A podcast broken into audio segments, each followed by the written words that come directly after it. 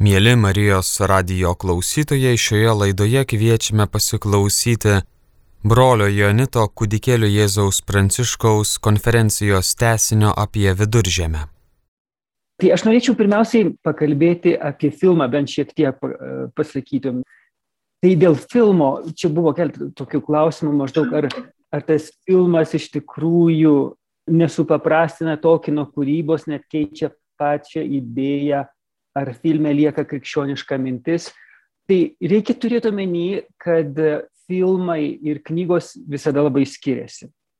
Ir kai žmonės klausia, kurie nėra skaitę nei knygos, nei matę filmo, ką pirmiausia, ar žiūrėti filmą ar skaityti knygą. Nuo žmogaus vaizduotės labai priklauso, nes jeigu ta vaizduotė yra tokia labai lengvai pasiduodanti įtakai, tai žinoma, pažiūrėjus filmą, tada ir skaitant knygą jau, jau matysite tą filminio Frodo veidą, o ne tokį, kokį jūs įsivaizduotumėt patys skaitydami knygą. E, kita vertus, man pačiam tai pirmiausia buvo filmas ir paskui knyga ir aš iš tikrųjų labai džiaugiuosi tokia tvarka, kadangi skaitant knygą po filmo pasirodė, kokia fantastiškai nuostabi buvo knyga. Nors filmą, kai žiūrėjau, jis irgi atrodė, atrodė labai puikiai pastatytas. Jeigu būčiau žiūrėjęs filmą po knygos, aš manau, aš būčiau nusivylę. Tai ta prasme, man atrodo, buvo geriau žiūrėti pirmą filmą ir paskui, paskui skaityti knygą. Pamatyti visą, visą gelmę ir lobyną, kuri yra knygoje. Scenarijos bendra autorė su Johnsonu buvo tokia moteris Filipa Boyens, katalikė, ir jinai puikiai žinojo išmanė visą Tolkino situaciją ir, ir tą būtent krikščionišką pusę ir todėl ji labai daug prisidėjo, kad ta krikščioniška pusė būtų kiek galima labiau išsaugota filmai. Man atrodo, tikrai labai pasisekė, aš net pasakyčiau, kai kurios vietos yra netgi pagerintos, katalikiškesnės, ne taip kaip knygoje. Vieną tokį labai akivaizdų pavyzdį galima pasižiūrėti, kai Gendalfas Baltasis ateina į karaliaus Teodono rūmus ir ten mes iš tikrųjų, ką mes iš tikrųjų matom, mes matom egzorcizmo sceną, kur Sarumanas yra kaip apsėdęs karalių Teodeną ir, ir Gendalfas kaip kunigas išvaro, išvaro e, tą Sarumano dvasę iš Teodeno ir jis, jis atgauna savo savo dvasę, savo protą ir net, net visas kūnas jo pasikeičia. Jis atsimena, iš tokio seno, sukerpėjusio senelio jis pasidaro visai, visai energingas karalius. Tai šita sena nėra tokia aiškiai katalikiška, aš sakyčiau, kaip knygoje. Knygoje ten netaip aiškiai pavaizduota. Bet bendrai imant iš tikrųjų, ir tai normalu, kadangi ir taip jau filmas yra nežmoniškai ilgas, ypač jeigu tos pailgintos serijos, žiūrėsim, į, nu, neįmanoma sukišti į filmą net ir 4-5 valandas kiekvieną seriją tų 2000 puslapių, ką, ką Tolkienas parašė. Tai žinoma, kad knygoje tiek veikėjai, tiek jų bruožai yra daug, daug subtilesni ir gilesni. Filme vis tiek taip holivudiškai e, supaprastinta ir aš sakyčiau net vietomis suvulgarinta. Nu, aišku, tai nėra vulgaru, ta, ta jau pačia žemėja, žemąją prasme, bet nu, knygoje veikėjų charakteriai daug subtilesni, be jokios abejonės. Tai dėl filmo aš sakau, tikrai žinokit, kad Filipa Bojens darė viską, kad išsaugotų tą katalikišką atspalvį, skonį, prieskonį šito Tolkino kūrinio. Tai pirmiausiai, tuos simbolius galima suskirstyti į, į keletą tokių pagrindinių temų. Tai pirmiausia yra temos, kurios tikrai yra krikščioniškos. E, būtent gimtosios nuodėmės tema, pasiaukojimo tema, nuolankio jo pašventinimas, nuolankaus pašventinimo. Čia vėl galim prisiminti filme labai gražiai parodyta, kaip per karaliaus Aragorno vainikavimą ir pats karalius, ir visi ten esantys, ir elfai, ir žmonės, ir visi nusilenkia, priklaupę prieš tuos keturis mažutėlius iš tikrųjų, tuos keturis hobitus. Ten tikrai matom, kaip mažiausi taps didžiausiais, paskutiniai taps pirmais laisvo pasirinkimo tema vedanti arba į šlovę, arba į pražūtį. Na, pavyzdžiui, Sarumanas labai aiškiai, Golumas ir priešingai karalius Aragornas, netgi pati Galadrielė, kurie atsilaiko prieš pagundą pasimti tą žiedą, kai, kai Frodas siūlo jai paimti tą žiedą ir nori atsikratyti, jinai atsilaiko prieš tą pagundą, nes jis nebūtų tapusi tuo, ką mes trumpai matėm filme ir, ir kas knygoje gražiai aprašyta. Tai čia irgi žmonės sako, bet kaip tada Galadrielė gali būti mergelės Marijos provaizdis, bet būtent čia yra visa esmė, kad mergelė Marija, niekas nebuvo taip gundomas, kaip mergelė Marija iš tikrųjų bet jinai niekada ne, nepasidavė toms pagundoms. Kodėl? Nes šitonas matė, kad čia yra, va čia yra bastionas. Jeigu jis paims tą bastioną, jis laimi karą. Ir jie atsilaikė, ir galadrielės atsilaikymas prieš didžiulę žiedo pagundą yra būtent labai marijiškas elementas.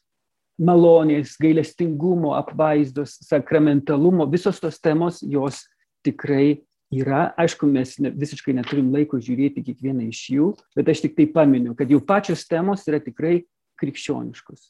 Uh, dabar kita tokia didesnė tema būtų uh, datos. Ar esate atkreipę dėmesį, kad uh, Frodas ir visa žiedo draugija iškeliauja iš Rivendeilo gruodžio 25, tai yra Kalėdų diena. Ir kad žiedas yra sunaikinamas kovo 25 kuri katalikų bažnyčioje yra, yra apreiškimo mergelės Marijai šventė. Ir tarp kitko, senais laikais, viduramžiais, šita kovo 25 buvo laikoma um, nukryžiavimo data. Nu, viduramžiais buvo tokia tradicija keliuose Europos regionuose. 25 diena buvo laikoma, kad tai yra tikroji kovo 25 tikroji nukryžiavimo data. Ir žinoma, Tolkienas tuos dalykus žinojo. Tai datos, kaip sakiau. Paskui geografija, ardos ir, ir viduržėmis. Nu, čia irgi labai yra įdomi tema, bet aš tik trumpai paminėsiu, kad ta grafystė hobitų, pats Tolkienas labai aiškiai įvardėjo, kad nu, tai yra simbolis Anglijos paprastų, tų tokių prieš viską atsilaikančių ir mėgstančių gerai gyventi, skaniai gyventi, linksmai gyventi valstiečių jeigu žiūrim į viduržėmę žemėlapį, mes matom, kad yra tos dvi karalystės. Arnoro šiaurinė karalystė, kuri visiškai su, buvo sunykusi e, žiedo karo laikais, ir Gondoro pietinė karalystė. Gondoras, aš man atrodo jau minėjau, jis simboliškai gali reikšti būtent katalikų bažnyčia, pietinę katalikišką Europą. Čia, čia būtų toks kaip e, religinis Europos žemėlapis pavaizduotas. Ir Minas Tirit, e, buvęs Minasanor, tas miestas jis yra Romos simbolis, kur viešpatauja ne karalius, bet karaliaus, kaip pasakyti, steward, tasgi vietininkas. O mes žinom, kad popiežius, ne popiežius vadovauja bažnyčiai, bažnyčiai vadovauja karalių karalius, viešpas Jėzus, o popiežius yra tik tai, tik tai jo vietininkas. Tas Gondoro e, vietininkas yra ir galėtų būti irgi suprantamas kaip, kaip popiežiaus simbolis. Aišku, kad Denetoras ne pačioj gražiausioj šviesoj parodo popiežystę, bet kas esate domėjęsi bažnyčios istoriją, žinote, kad, kad buvo tikrai ne pačių švenčiausių popiežių, švelniai tariant, praeitį. Tai tas irgi labai, labai suprantama. Ir dabar, kadangi Tolkienas, kaip žinot, buvo katalikas, ir, bet jis gyveno protestantiškoj, anglikoniškoj Anglijoje Ir tada, jeigu suprasim Gondoro karalystę kaip katalikų bažnyčia, tai Arnoro karalystė, kuri kadaise irgi buvo šiaurinė, maždaug katalikiška kultūra, jinai, jinai sunykusi ir, ir jau, jau keli šimtmečiai kaip e, karaliaus ten nebėra. Tai ta prasme irgi galim čia išvelgti tokią kaip simbolinę išraišką, kad Anglija, tais laikais, kai, kai Tolkienas rašė, jis tokiu būdu išreiškia, kad Anglija nėra toje katalikiškoje kultūroje. Paskui, jeigu plačiau imsim tas Amanas ir Valinoras, Valarų žemė vakaruose ir Numenoras, ypač um, ta nuskendusių į salą, iš kur atsikėlė Arnoro ir Gondoro karalių protėviai, tai jie, žinoma, kad jie simbolizuoja prarastą į rojų. Ir aš minėjau, kad visas žiedų valdovas yra tarsi ta pati tema pasikartoja, bet tik tai skirtingose lygmenyse. Ir, ir kaip ir šventajame rašte, pavyzdžiui, ta pati tema, kad jauniausias aplenkė mm, vyresnėlį, pradedant su Kainu ir Abeliu, iki pat, iki pat pagonių ir žydų. Nes pagonys yra kaip jaunes, jaunesnysis brolis ir jie, jie pirmieji įeina į karalystę, kai žydai užsispiria. Tai panašiai yra ir su ir, ir, ir žydų valdovė ir apskritai visoji Tolkino kūryboje. Tos istorijos jos kartuosi, bet su, su įvairiais niuansais. Tai, tai būtent todėl tas, tas, kaip sakiau, rojaus simbolis, jis gali būti išreikštas keliomis, e, keliomis vietomis, kaip sakiau, Valinorų, Numenorų, bet taip pat ir Lotlorienų ir, ir Rivendale. Tik tai tie pastarieji Rivendailas ir Lotlorienas, kurie viduržėmiai, reiškia to jau E, jeigu imsim religiškai Europoje, jie gali daugiau e, simbolizuoti tai, ką vienuolynai viduramžiai simbolizavo, tai būtent ramybės, harmonijas, e, grožio, kultūros, žinių ir mokslo tokias oazės, kurios išlikusios, kai, kai aplinkui dar buvo gana barbariška kultūra. Ir tas Rivendėlas Loklorienas tikrai galėtų būti būtent tų vienuoliškos, viduramžiškos kultūros simboliai kur žmonės gali tarsi paragauti prarastojo rojaus dvelgsmą ar, ar, ar skonį. Neatsimenu, ar minėjau, kad e, Silmarilina yra minima, kad e, orkai iš tikrųjų buvo elfai, jie tik tai buvo su, sudarkyti Morgoto. Morgotas tai buvo e, Saurono šeimininkas, Saurono valdovas, reiškia tikrasis šitono įvaizdis. Tai čia irgi labai, labai pagal tą krikščionišką angelologiją, būtent, kad velniai yra e, puolę angelai, jie anksčiau irgi yra buvę angelais. E, bet kaip minėjau, čia irgi tik tai žiedų valdovo rėmuose mes galime matyti juos kaip e, simbolius, kad elfai simbolizuoja angelus, o orkai simbolizuoja velnius. Iš tikrųjų, tikrieji angelai yra valarai. Silmarilijone, o elfai arba orkai yra tik tai, nu, va, tokios kraštutinės mūsų žmonių uh, versijos, kuo mes galime tapti. Galime būti elfiški, arba bent elfų draugai kaip Frodas, arba mes galime būti tikrai orki, orkiški kaip Golumas, tokiu tapo. Paskui, kaip minėjau, kadangi Kristaus figūros vienos aiškios nėra žydų valdove, Suprantama, kodėl, nes Tolkienas nenorėjo rašyti alegojos kaip Liuisis Narnijos kronikose. Tai šita figūra Kristaus yra išreiškiama keliais veikėjais. Kodėl? Todėl, kad Kristaus uh, slėpinio neįmanoma išsakyti vienu veikėju, nes tai, tai yra per, didelį, per didelis slėpinys, kad galima būtų vienu net ir labai kilniu ar šventu žmogumi iš, išreikšti. Todėl įvairios Kristaus uh, slėpinio įvairūs aspektai yra išreiškiami per įvairius veikėjus. Tai būtent Frodas, kai neša žiedą, tai yra kaip Jėzaus kryžiaus kelias. Aragornas, tai žinoma, Jėzus kaip karalius, e, grįžtantis karalius, kuris yra laukiamas Gondorė amžių amžiais.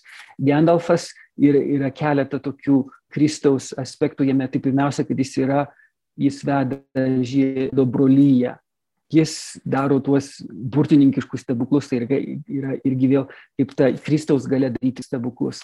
Bet svarbiausia Gendalfe, tai žinoma, kad, kad jisai prisikelia, jis grįžta iš mirties, iš kovos su, su Balrogu, su, su piktuoju, nes Balrogai tai buvo nu, to paties lygio dvasios kaip ir Sauronas, žemesni už Morgotą, bet bet nu, tokio maždaug e, galingumo kaip Sauronas. Užtat e, žiedo broliai ir pats Genlas sakė, čia, čia jokie ginklai nepadės, mums reikia nešti, nešti kailį kuo greičiau. Ir, ir netgi Semas išreiškė Kristaus tarnystę, nes Kristus atėjo kaip tarnas tarnauti. Ir Semas tarnauja. Jis netgi neša Frodą tada, kai Frodas nebegali paeiti. Taip kaip ir Kristus mus neša, kai mes jau nebe, nebepaeiname. Taip pat mes galime matyti bent jau kel, vėl keliose vietose, kaip sakiau, pagal tą pačią temą, kurie atsikartoja kaip simfonijoje, ar ne, atsikartoja ta pati tema, bet ne vis su kitokiom variacijom, tai mes tą galime matyti Kaino ir Abelio istoriją. Dygolo ir Smygolo, kai, kai Smygolas nužudo Dygolą ir, ir, ir tampa Golomu, e, bet taip pat mes tą galime išžiūrėti ir kai Golomas kuris atrodo ten irgi labai yra tokia įdomi vieta, kai Tolkienas rašė epizodą apie Golumą, kai, jeigu atsimenat, kai ir filme tas labai gerai irgi parodyta, kai tuose Kiritungolo laiptuose galima matyti, kad Golumo širdis tikrai, tikrai linksta vėl į gėrį. Ir filme aiškiau parodyta, kaip, kaip iš tikrųjų Semo toks širkštumas ir nepasitikėjimas į galiausiai vis dėlto nustumė atgal į tą juodąją pusę jo gyvenimo. Bet tas momentas, kai jisai sviruoja tarp gėrio ir blogio. Ir, ir Tolkienas rašydamas tą epizodą jis verkė tiesiog, nes jisai, nu, jisai sako, tai, tai yra tai, ką šitiek, šitiek žmonių išgyvena savo, savo gyvenimuose, tas sviravimą tarp gėrio ir blogio.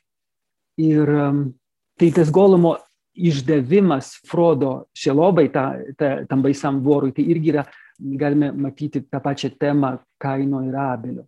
Šeloba irgi yra ne pats baisiausias padaras, jinai pati yra palikuonis um, Ungoliantos. Ungolianta tai buvo tas bais, baisusis voras, kuris kartu su Morgotu sunaigino du Valinoro medžius.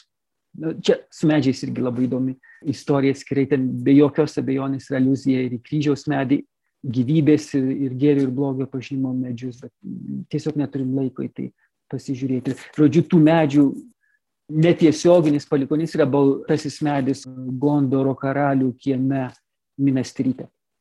Ir jisai sužydė, atsimenat, kai grįžta karalius. Paskui Galadrielė, kaip minėjau, yra Marijos figūra, nors tikroji Marijos figūra yra Varda Elberet, aukščiausiai Valarų valdovė. Bet taip pat ir Eovina. Eovina taip pat yra mergelės Marijos simbolis, kai jinai nugali Nazgulų karalių raganių, kuris pats galingiausias iš tų žiedo šmėklų, kurio joks vyras negali nu, nugalėti. Filme labai gražiai parodyta, kai jinai būtent sako, aš ne vyras, aš moteris. Ir, ir, ir čia yra tiesioginė aliuzija į tai, kas vadinama proto evangelija. Taip pat ir Arvena, Arvena taip pat yra, kaip ir tarp kitko, šventajame rašte. Šventajame rašte kiekviena moteris daugiau ar mažiau išreiškia kažką iš Marijos lėpinio. Taip ir žiedų valdovė ir Silmarilionė apskritai man kiekviena moteris kažką, kažką išreiškia iš Marijos lėpinio. Ir Arven, tai būtent, kai ji palieka viską, palieka savo mylimą tėvą, palieka savo gentį, elfų, savo nemirtingumą netgi, kad taptų Aragorno žmona. Tai čia galim prisiminti šitą 44 ar 45 psalmę, kur apgėdama tą dukrelę, kuri palieka savo tėvo namus ir savo tautą, kad taptų karaliaus žmona. Taip pat galime matyti įvairius tuos krikščioniškus simbolius objektuose lembas e, akivaizdžiausiai, čia jau net nebe, nebe simboličiai grinai alegorija, nors, nors Tolkienas ir sakė, kad jis nemėgo alegorijos, bet lembas yra akivaizdi Euharistijos e, alegorija. Nu, va, nėra laiko čia, vien šitai temai galima būtų skirti visą valandą, super įdomu žiūrėti visas detalės, kur, kurios ten sudėtos. Taip pat elfų tos virvės, kurios padeda Frodui ir Semui keliaujant per Sangebiro kalnus link Mordoro ir elfų apsiaustai, šitie objektai irgi yra malonės simbolis. Kokiu būdu, nu, va, nėra laiko, nes jeigu aš užsivesiu, aš, aš nesustosiu, bet, nu, va, bus gal proga jums pamastyti, kuo tos elfų vir, virvės ir, ir elfų apsiaustai yra krikščioniškos malonės simbolis jeigu žiūrėsite, ypač filme labai gerai pavaizduota, aš vėl galvoju, kad čia tikrai bus Filipos Bojan pridėta ranka, kad, kad kuo tiksliau šitą aspektą būtų galima pavaizduoti. Kaip sakiau, baltasis medis ir visi jo protėviai yra kryžiaus medžio ir gyvybės medžio ir ir blogio pažinimo medžio simboliai. Galadrielės dovana fialą, lietuviškai nežinau kaip pasakyti, bonkutė, ne, su, su žvaigždės e, šviesa. Ir taip pat ir Arvenos baltasis tas akmenėlis, kurį jinai padovanoja Frodui, tai jie irgi yra simboliai. Vienas iš komentatorių, Kaldekotas iš tikrųjų, jisai sako, kad ta, ta Arveno, Arvenos padovanotas baltasis akmenėlis yra aliuzija į apreiškimo knygoje esantį baltąjį akmenėlį, kurį gaus nugalėtojas. Apreiškimo antram skyriui 17 eilutėj. O ta, ta fiala, ta, tas buteliukas galadrėlis, tai jis, jis yra amžinosios gyve, gyvenimo šviesos simbolis, kuris vienintelis gali atsilaikyti prieš mirties tamsą. O šeloba, kaip, kaip minėjau, kaip ir ungolianta, jos, aš gal net ir nepasakiau, gal tik tai pagalvojau, nepasakiau, bet tai yra mirties simbolis. Tai yra pati mirtis. Ir būtent prieš tą mirtį ir atsilaiko Frodas, turėdamas Galadrielis padovanota amžinąją šviesą, gyvybę šviesą. Ir žinoma, vienas žiedas, kaip jau minėjau, tai yra nuodėmės ir netgi gimtosios nuodėmės simbolis.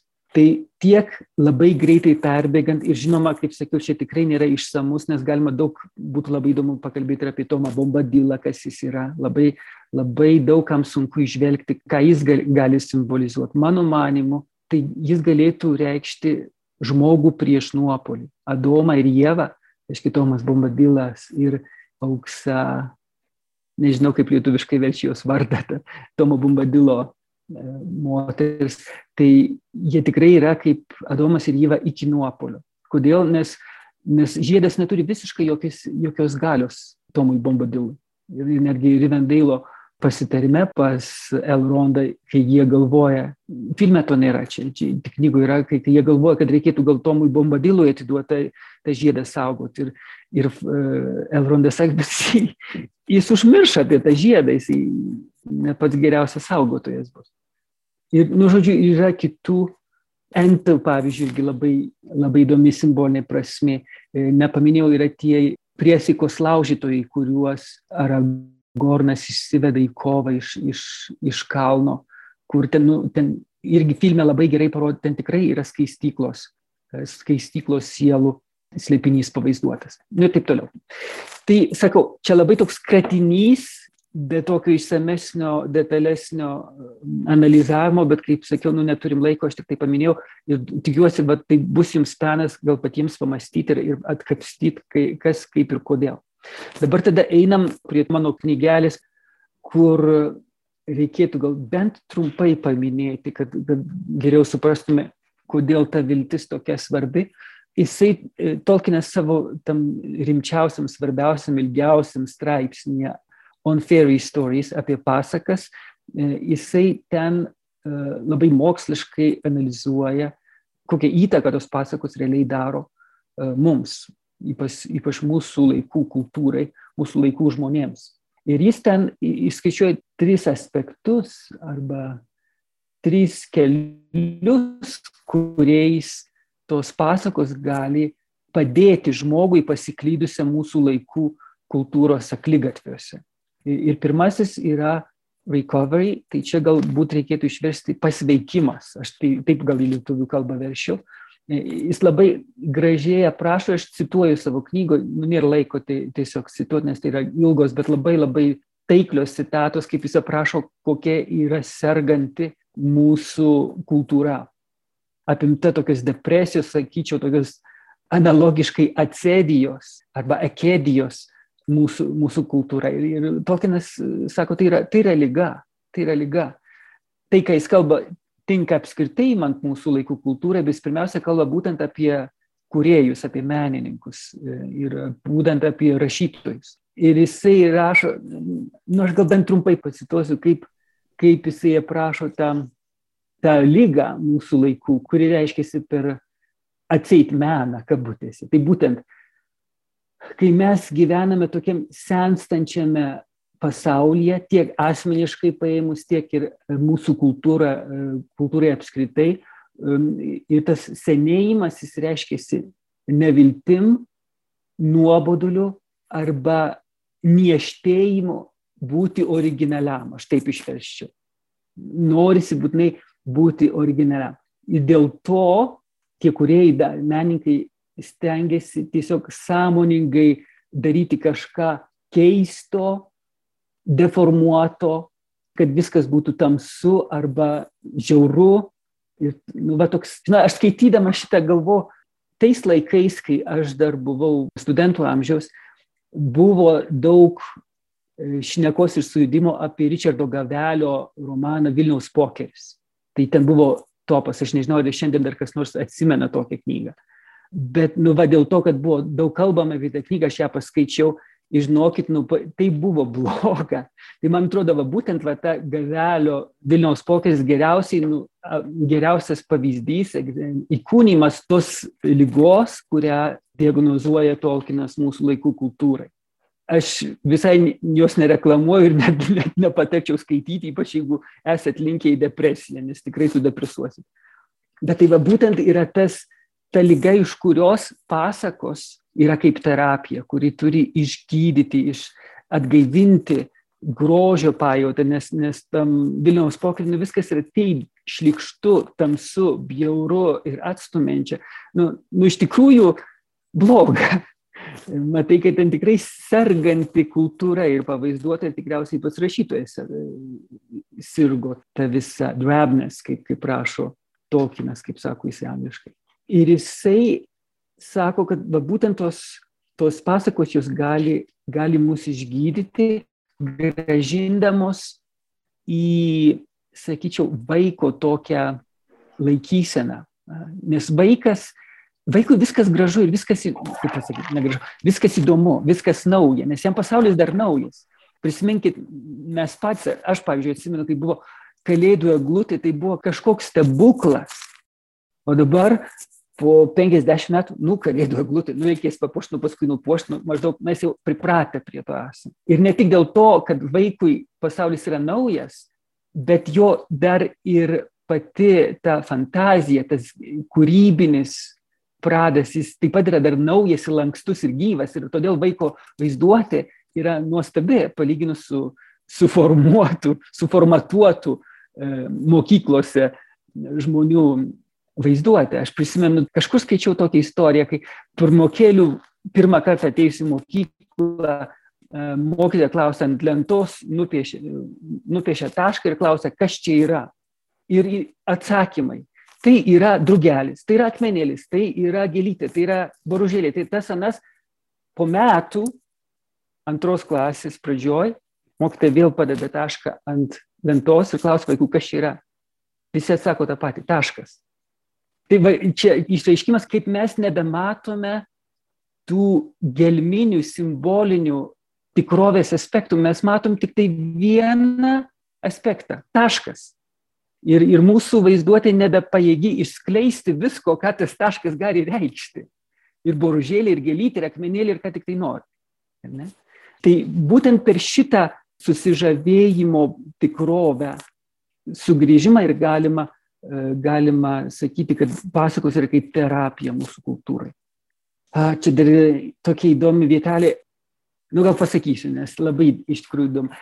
Chestertonas yra kalbėjęs apie tokį Morifok pasaulį. Kas tai yra tas Morifok?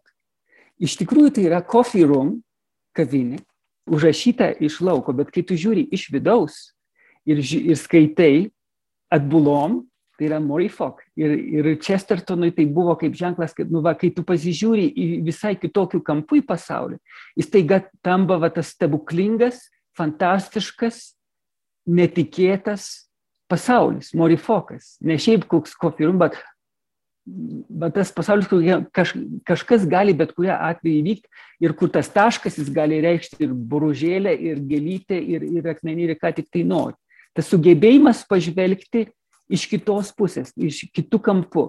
Pamatyti tikrovėje tai, ko niekas nemato, nes nu, visi mato tik tai tašką. Antras kelias, kuris reikalingas mūsų kultūrai išgelbėti pagal tokį, net yra escape, pabėgimas. Pabėgimas, kaip jisai sako, ne, ne kaip dezertyravimas iš mūsų tikrovės, kurioje mes gyvenam, bet kaip pabėgimas iš kalėjimo. Ir jisai, jisai rašo, sako, kodėl žmogus turėtų būti niekinamas, jeigu būdamas kalėjime jis stengiasi pabėgti iš jo. Arba jeigu jis to negali padaryti, kad jis masto ir kalba apie ką kitą negu apie kalėjimo sienas ir, ir sargybinius. Ir pasaulis už kalėjimo ribų nėra mažiau realus todėl, kad kalinys negali jo matyti.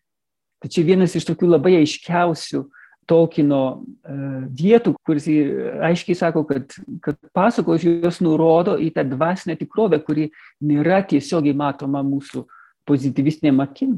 Ir ištrukimas iš, iš šito, šito kalėjimo yra į tikrąjį gyvenimą. Tai nėra pabėgimas nuo realaus gyvenimo ir, ir realaus pasaulio, kaip to realaus va, Richardo Gavelio Vilniaus pokerio prasme. Ne, tai yra ištrukimas iš, iš va tokio kalėjimo į tikrąjį gyvenimą ir tikrąjį pasaulį, kuris yra dvasinis. Pasaulis ir dvasinis gyvenimas. Ir trečiasis kelias, tai Tolkino supratimu yra paguoda. Paguoda, kur Teodora ir į mūsų, mūsų žiedamos e, pokalbio temą į, įtraukė. Paguoda, kuri reiškėsi, aš tai pabandysiu kuo trumpiau sukišti, kuri reiškėsi tuo, ką Tolkienas vadino, vadino eukatastrofa. Dabar kas yra ta eukatastrofa? Eu graikiškai yra geras. Katastrofa nu, yra blogas dalykas, katastrofa, ar ne? Tai čia yra kaip gera, tai yra katastrofos antipodas. Reiškia, vi, visiškai netikėtas, nelauktas, neįsivaizduotas posūkis mūsų gyvenime, gyvenimo įvykiuose ir ypač pasakose į gerą pusę. Tai yra ta eukatastrofa arba happy end, netikėta laiminga pabaiga. Ir jis ten įverdina tiesiogiai, ten jau tikrai kaip teologas rašo, Tolkienas, kad toji eukatastrofa žmonijos gyvenime buvo, žmonijos istorija buvo Kristaus įsikūnymas ir Kristaus gyvenime eukatastrofa buvo jo prisikėlimas. Ir būtent ta eukatastrofa tikėjimasis, kad gėris nugalės, kad pasisuks viskas, net jeigu, net jeigu žmogiškai žiūrint, nu, nėra jokios, jokios vilties. Ir tas labai matyti žiedų valdovę, kai Frodo, Frodo misijoje, nu, kaip tu atsilaikysi prieš tokį galingą Sauroną su, su tūkstančiais orkų, nu, nu, neįmanomas dalykas, kaip, kaip Boromyras ir, ir sakė, tai yra Gendalfas tave siunčia į labai aiškiai mirtį pražūtį. Ir Sarumanas irgi Gendalfui prikaištauja filme, e, toj prailgintoj serijai, kad nu, tu išsinti į, į garantuotą mirtį tai, ką tu, kad tu sakai, kad tu myli ir, ir brangini kaip draugą. Ir va, nepaisant to, žmogiškai žiūrint, visiškai, visiškai nu jokios vilties įvyksta ta eukatastrofa. Ir ten būtų irgi, bet nėra laiko, būtų labai įdomu pasižiūrėti analizę, kaip, kaip iš tikrųjų Tolkienas labai subtiliai prašo Dievo apvaizdos veikimą, net ir mūsų silpnumuose, pasinaudojant blogio gėrio pergalį. Aš čia turiu omeny būtent tą epizodą, kai Frodas nepajėgia, nepajėgia paleisti žiedo paskutinę akimirką. Ir tada Golumas nukanda tą, tą žiedą su, su visų Frodo pirštu ir įkrenta į, į likimo e, kalno gelmes. Tai blogis pats save sunaikina, nes nu, Golumas jau tikrai buvo taip galutinai pasirinkęs blogį tą akimirką.